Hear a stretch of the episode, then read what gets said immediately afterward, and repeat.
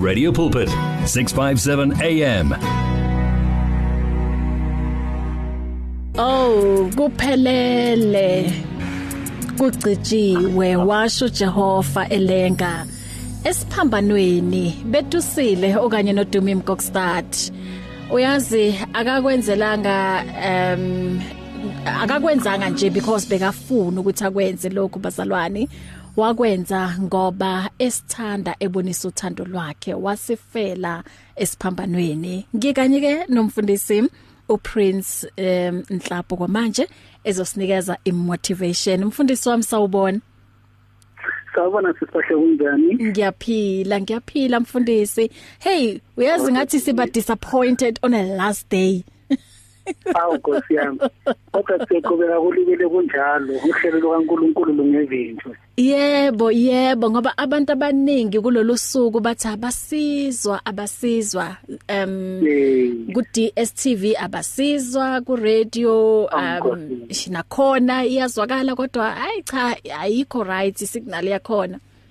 So asazi impela ukuthi kwenzakalani kodwa ke um technical guys bayawazi umsebenzi wabo bazoyilungisa yeah. yonke into mfundisi thina nje asiqhubeke asiqhubeke ngoba leli vangeli kumele ngempela eh silikhulume kukhona umuntu okumele simthinte. Kulentambama um okumele ayithole le motivation. Ngoba uyazi ukuthi ke singabantu siningi nje izinto esihlangabezana nazo um abanye nje umuntu ugcina nje hopeless empilweni. So hingakho sithi kubalekile ekutheni sihlezi nje sithola motivation especially uma kuyi Sunday phela kusasa qala ivikelisha kunomunye kwamanje sesiqalile istress. Mhlambe kumnandi nje the whole weekend ehleka kumnandi. Hey manje macabanga umonday ukuthi oh konje ngisayohlangana nosibanibani uyayibona. Yeah so uma yebo uma sikhona la um simotivateana ngiyazi ukuthi ke kwenza umehluko empilweni yomunye umuntu. So siyabonga ukuthi ube nathi inyanga yonke le and into bosiqhuquzela ngayo ibalekile kakhulu uthi isikhathi manje isikhathi um sokuthi uyazi kube khona nje umehluko empilweni yakho.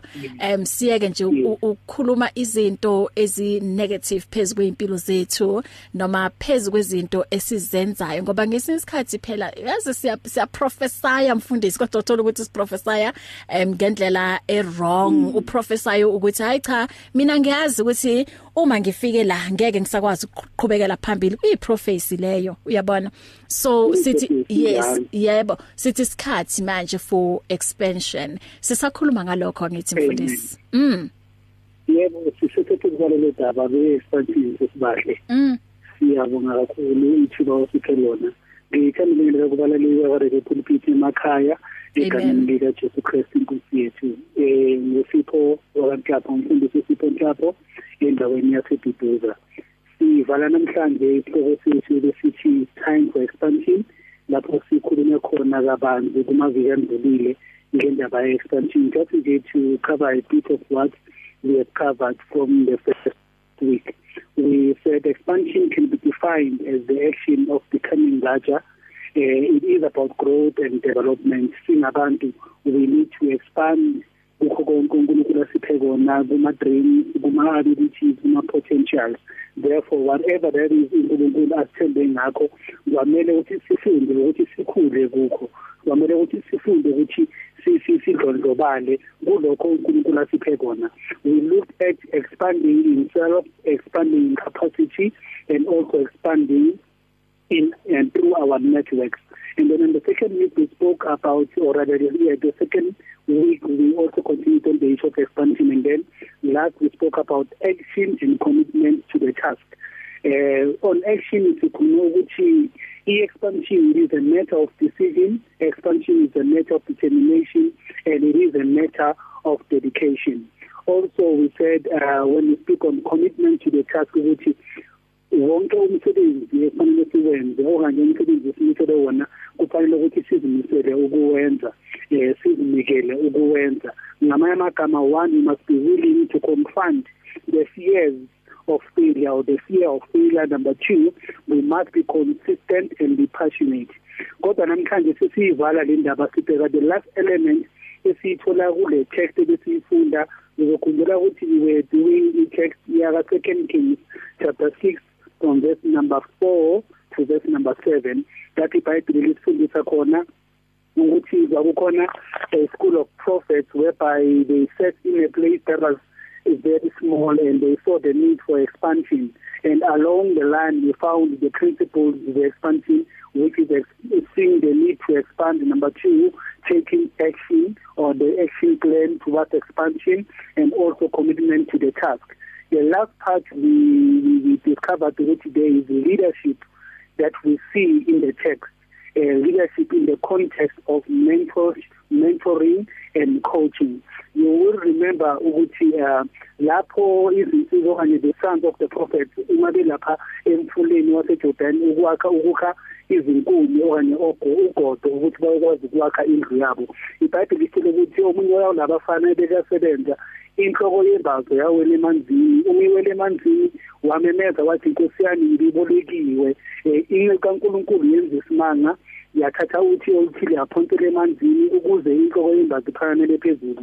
Okokuqala mhlambe nje quickly engathi into lokuthi ukuthi kufanele siyenderstand singabantu ukuthi impilo esiyiphilayo siyibolekiwe nguNkulunkulu ama-gift nama-talent esiwanikiwe uNkulunkulu sibolekiwe we are actually stewards and servants of the Lord through the giftings and the talents and all the capabilities that God has given to us. Therefore we need to be faithful servants.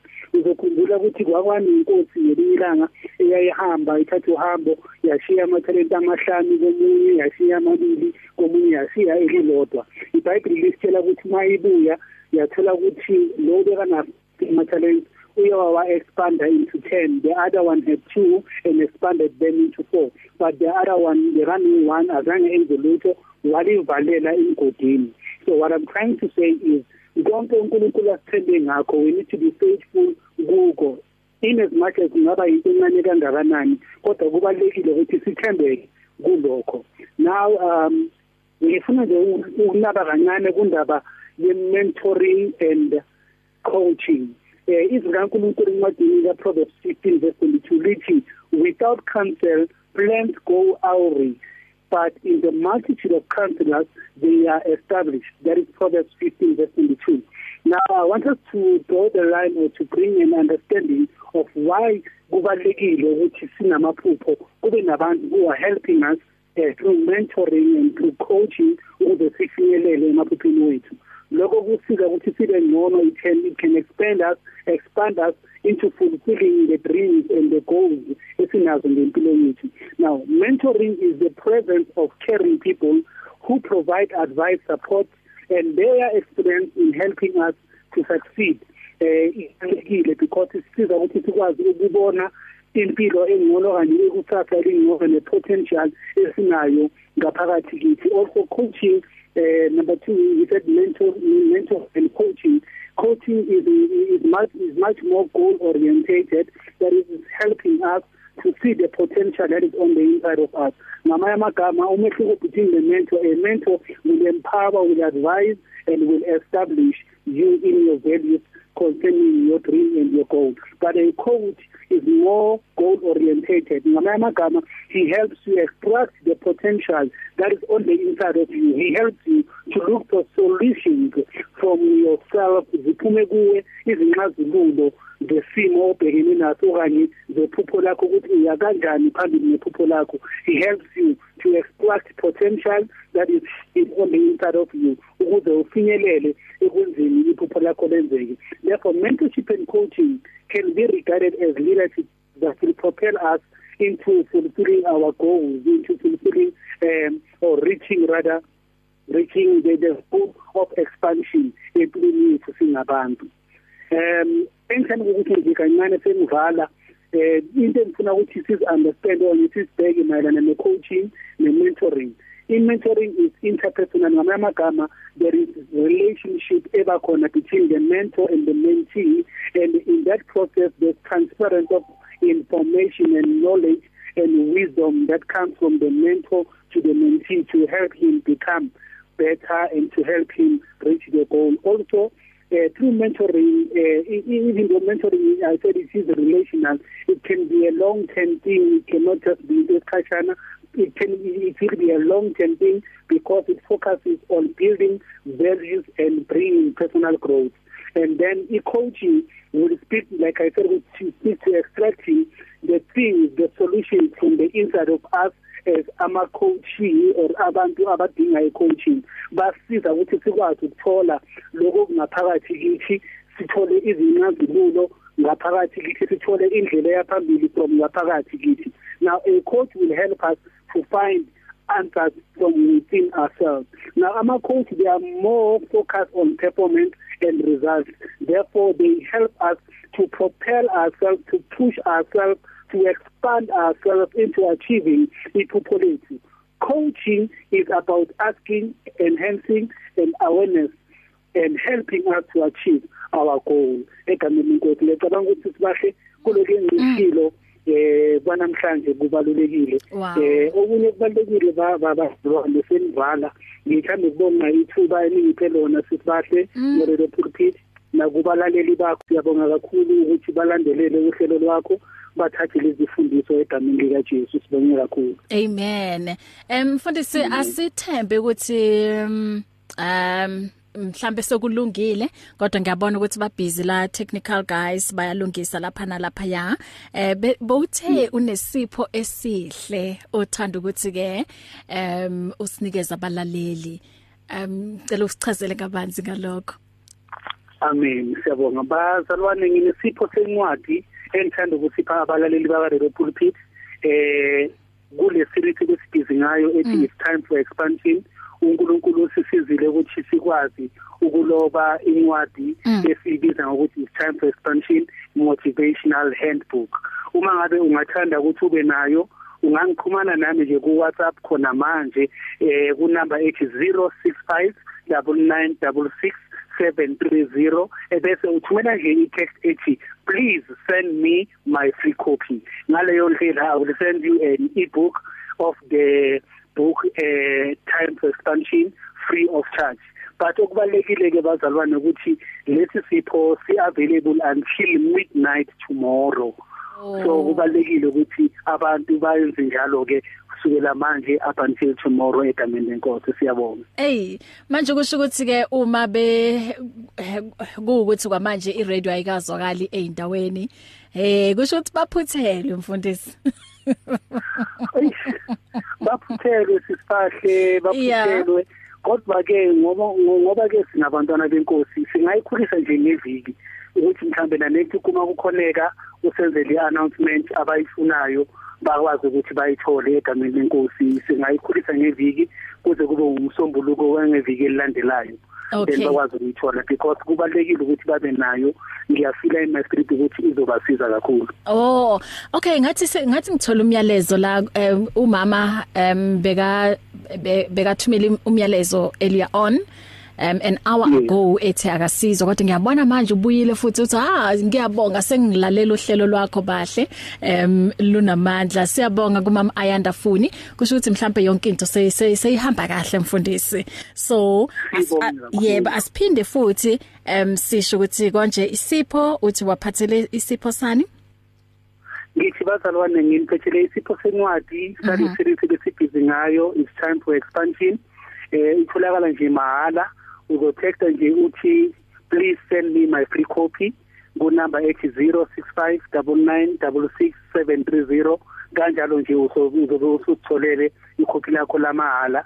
Eh ngithanda ukuthi ngiexpande ke eh indaba yesipho to a next week monday. Kwabakhonayo na during the week bathumele lowo mlayezo kuleyo number egameni lenkosi. Amen. Amen. Ay uyisibusiso mfundisi. um, thank you so much ukuthi kulenyanga yonke kaApril um was motivator ngiyathemba ukuthi selibuyile ithemba nakulabo ebelishabalele eh, ngoba inhloso yileyo. Sithi it's time for expansion. Mhlambe kunamanye um noma ku omunye mhlambe likhona ivike banga ekade engalalelanga ngalo. So sithi nayi i free copy ukuthi ifake yonke lento ekade ukhuluma ngayo.